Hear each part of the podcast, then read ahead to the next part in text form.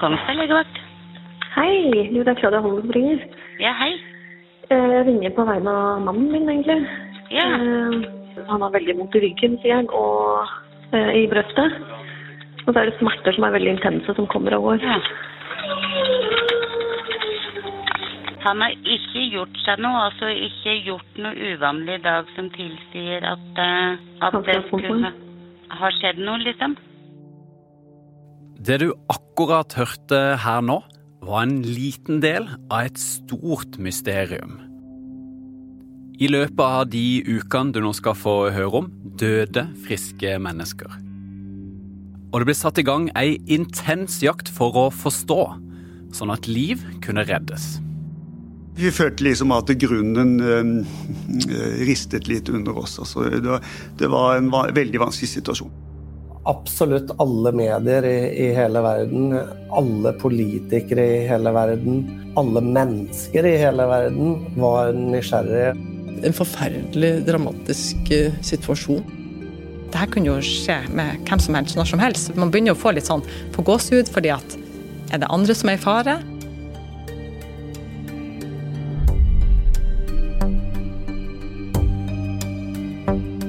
Dette er VGs podkast Alt fortalt. Du hører på Katastrofe i hjernen.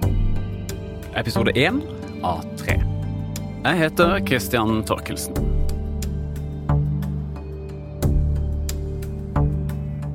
Møt Marius. Det var han du hørte i bakgrunnen på telefonsamtalen. Han skal du bli godt kjent med. Marius Holden heter jeg, 33 år. Marius er en sånn type som er glad i å prate, med et sjarmerende smil. Han bor i et moderne trehus med kona Claudia.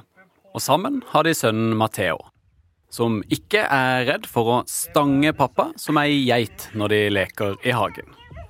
Nå kommer jeg og tar deg! Å nei, ikke ta meg! Bange troll i vannet. Ja. Stange troll i vannet. Bange. 11. mars 2021 begynte som en dag som mange andre på Darbu, som ligger rundt en halvtimes kjøring innover i landet fra Drammen. Det er et sted med mange trær og lite folk. En vanlig dag starter med at det er noe Matheo vekker oss. Han er veldig glad i å leke gjemsel. Uh, han har ikke helt forstått leken, da, fordi han starter leken med å sta fortelle hvor jeg skal gjemme meg. Ja. Så går han og leiter etter meg. Uh, og så er det jo det vanlige, da. Få på han klær, pusse tenna, se litt på TV. På nyhetene handler det om pandemien, vaksinering og været. Det er nå uro blant sykepleierne ved Ullevål sykehus for at de ikke får vaksine raskt nok. Det har kommet vanvittig med snømengder, opp mot en halv meter. Og akkurat denne morgenen så åpna Marius ytterdøra og så at alt var hvitt. Det lå snø utover hele oppkjørselen, og det måtte bort før Marius kunne kjøre bilen ut av garasjen. Han krumma ryggen og spadde unna all snøen. Eh, Og da starta dagen med vanvittig med snømåking før man eh, kom seg av gårde på jobb.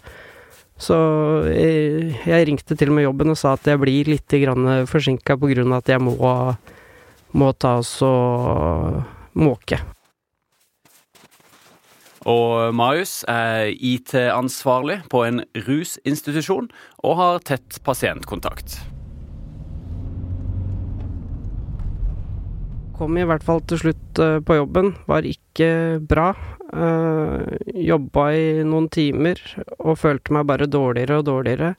Og vi har jo sykepleiere på jobben, og til slutt så sier hun ene sykepleieren til meg, Marius, nå kommer du deg hjem, du er helt hvit, du har det ikke bra nå. Så sa jeg nei, jeg føler meg ikke bra. Jeg har vondt i rygg og mage og det som er. Så ja, nei, dra hjem og legg deg, du. Og da dro jeg hjem, kjørte hjem. Marius kom inn døra hjemme på Dabu. Han var iskald og tok seg en dusj. Uh, møter kona mi. Sier at nå er jeg ikke bra. Jeg tar meg et par uh, Paracet nå, og så går jeg og legger meg. Jeg klarte ikke å gå og legge meg. Jeg hadde så smerter. Jeg klarte ikke å finne en stilling.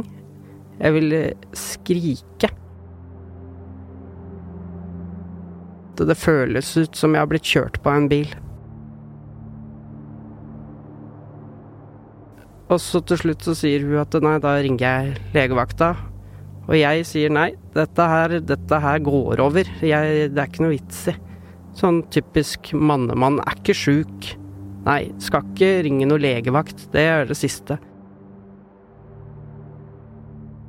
Etter timevis med smerter var klokka blitt syv på kvelden.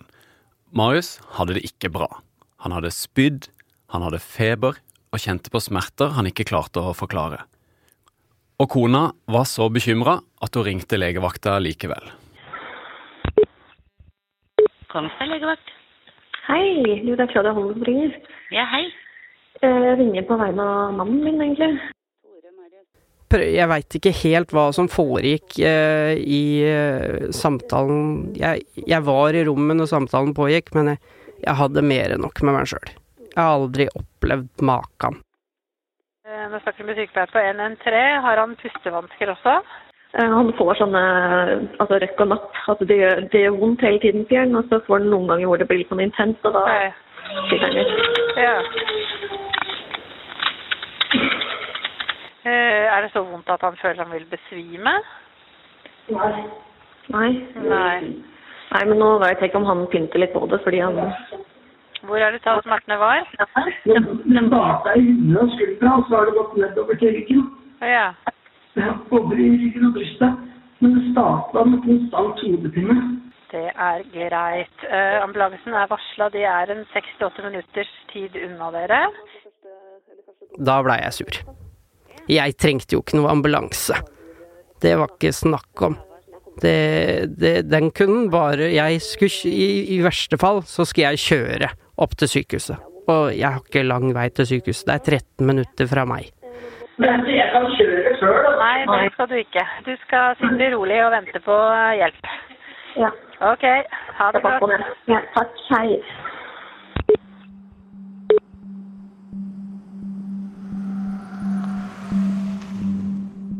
Jeg blei jo liggende på gulvet, så det kom jo en ambulanse. Oppi alt dette så var jo eh, Sønnen min var jo hjemme. Eh, hadde Så han blei jo lurt til å sitte og se på TV i, i stua. Mens jeg fikk ambulansehjelp inne i gangen nede. Jeg klarte omtrent ikke bevege på meg.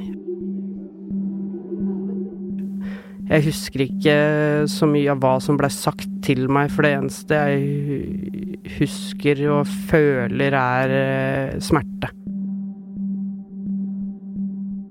Marius ble lempa over på ei båre og trilla ut i en ambulanse, mens kona sto igjen i døråpninga. Og så ble Marius kjørt av gårde til Kongsberg sykehus. Sykehuset ser ut som et sånn typisk offentlig mursteinsbygg. Fem etasjer. Akuttmottaket ligger i første etasje. Jeg kommer på Kongsberg sykehus, og jeg tror de trodde jeg hadde covid. På grunn av at jeg blei lagt på et rom alene, og det kom Når folk kom og sjekka til meg og sånn, så måtte alle på i sånne kyllingdrakter. De begynner å spørre har du gjort noe spesielt i det siste som kan til Ja, det, det eneste er at jeg, jeg måka gårdsplassen, og jeg veit det gikk hardt for seg. Eh, og, du, og jeg burde kanskje ikke benytta ryggen sånn som jeg gjorde da, men da måtte det gå hurtig og fort, for du skulle av gårde på jobb. Da sier de jo ganske tidlig at uh, de ser at jeg har fem brudd i ryggen.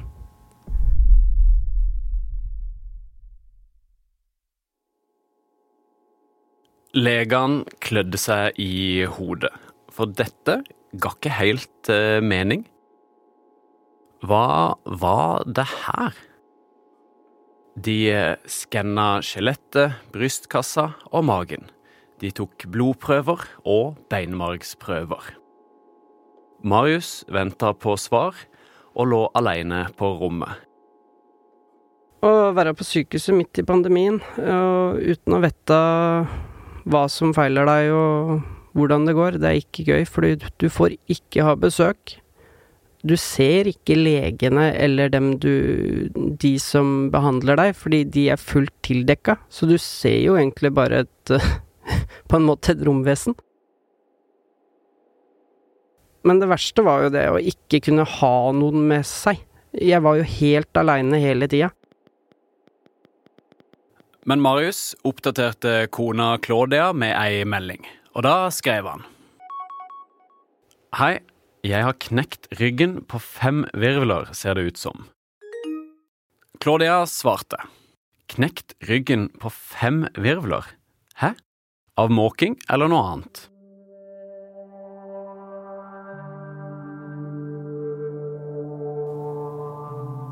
Jeg var veldig Jeg husker det veldig godt. Jeg var veldig dårlig og Men midt på natta så kom det en gammel klassevenninne inn. Hun passa på meg, faktisk. Jeg har gått på skole med henne lenge. Monica, for sykepleier. Og sa at uh, nå har de endelig funnet ut hva det er for noe med deg. De har funnet blodpropp, sier hun til meg. Det var da jeg skjønte at det var ikke noe brudd i ryggen lenger. Og det her kunne være livsfarlig. Blodpropp er blod som klumper seg og gjør at blodflyten stopper opp. Og blodproppene i kroppen til Marius satt på helt uvanlige steder. Og selv om det var midt på natta, tok en av legene på Kongsberg sykehus og fant fram telefonen og ringte til Pål André Holme på Rikshospitalet. Og så husker jeg lå i sengen og fikk en telefon på natten fra et sykehus i nærheten. Pål André Holme. Hvor de fortalte om en person som hadde kommet inn med veldig lave blodplater. Grovt forenkla er blodplater blodårenes plaster. Uten de blør du i hjel. Når Holme sier blodplatene er lave, betyr det at blodet ikke stopper blødninger som det skal. Så Marius hadde altså ikke bare blodpropper, men det var lave blodplater i tillegg. Det fikk Holme til å våkne og tenke på to andre pasienter han hadde fått inn noen dager i forveien. Begge pasientene hadde uforklarlige problemer med blodet. De var alvorlig syke, med lave blodplater, blødninger og blodpropper i hodet. Da begynte, jeg å tenke litt hvorfor det samfaller i tid to sånne tilfeller. Det var litt spesielt.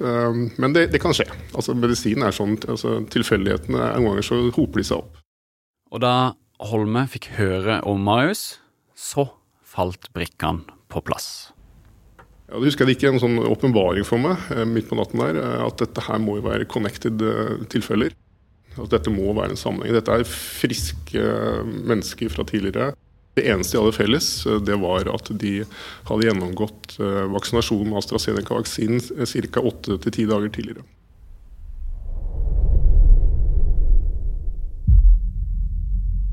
Marius var vaksinert med AstraZeneca ti dager tidligere. Hvis det Holme oppdaga nå stemte, at AstraZeneca-vaksina, en av verdens viktigste vaksiner, hadde alvorlige ukjente bivirkninger, så ville det få enorme konsekvenser. For mer enn 130 000 nordmenn hadde fått den allerede. Og da får man et voldsomt jag, eller en hang, til å finne ut av dette videre. Nærmere tre millioner mennesker hadde dødd av covid-19 i verden i mars 2021. I Norge venta de aller fleste på vaksiner, så de kunne komme seg ut og møte venner og familie igjen. Og AstraZeneca-vaksina var en av de aller viktigste vaksinene for å få Norge og verden ut av pandemien. Kunne det virkelig være at vaksina var farligere enn sykdommen? Og hva skjedde hvis vaksina ikke var trygg? Jo tidligere vi får eh, svar på hva det dreier seg om, og hvordan vi kan eh, håndtere det, jo flere mennesker kan man redde fra det. Holme frykta Marius var i livsfare. Han kasta seg på sykkelen og trilla ned til jobb. Nå vil han ha Marius overført fra Kongsberg til Rikshospitalet. Jeg var sliten. Jeg skjønte ikke hva som skjedde. Jeg, jeg var ikke meg sjøl lenger. Jeg følte at dette her Nå begynte jeg å skjønne at dette kan kanskje ikke gå så bra. Marius ble lagt over på ei båre, løfta inn i ambulansen og spent fast så han ikke skulle ramle ned, og så gikk de full fart fra Kongsberg over Drammensbrua inn mot Oslo. Eh, jeg får jo ikke beveget meg, jeg ligger jo som en stokk. Jeg hører sirenene. Og til tider tuting. Sikkert at uh, han skulle ha få biler vekk. Det eneste jeg tenker at ja, nå må jeg få gitt beskjed, nå skjer det noe, liksom, fordi nå Jeg følte meg ikke bra. Jeg prøvde febrilsk å få tak i telefon for å bare sende en ha det-melding til familien. Jeg hadde fått tak i mobilen min med to fingre, så jeg prøvde sånn sakte, men sikkert å lirke den opp av buksa. Hadde ikke sjans. Jeg var livredd for ikke se familien og og kona mi og sønnen min, og så hadde vi òg et uh, barn på vei.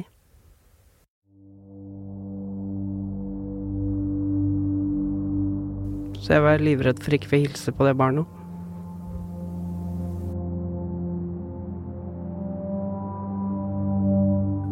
Ambulansen suste gjennom tunneler og jobba seg opp bakken mot eh, Rikshospitalets mange mursteinsbygninger.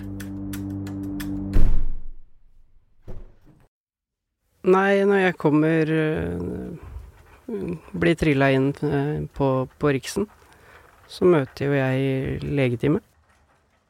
Legene sto på rekke, og det var Jeg husker ikke hvor mange. Jeg ser en en høy mann. Han har på seg en hvit legefrakk, bukse, munnbind. Ser ut som en Ser ut som en lege som du ser i sånn derre Nå husker, ser ikke jeg på disse legeseriene, da, men det er kona mi som gjør. Men det er, ser ut som en sånn type lege, da. Og så tar han av munnbindet, og så sier han 'Jeg er Pål André Holme'.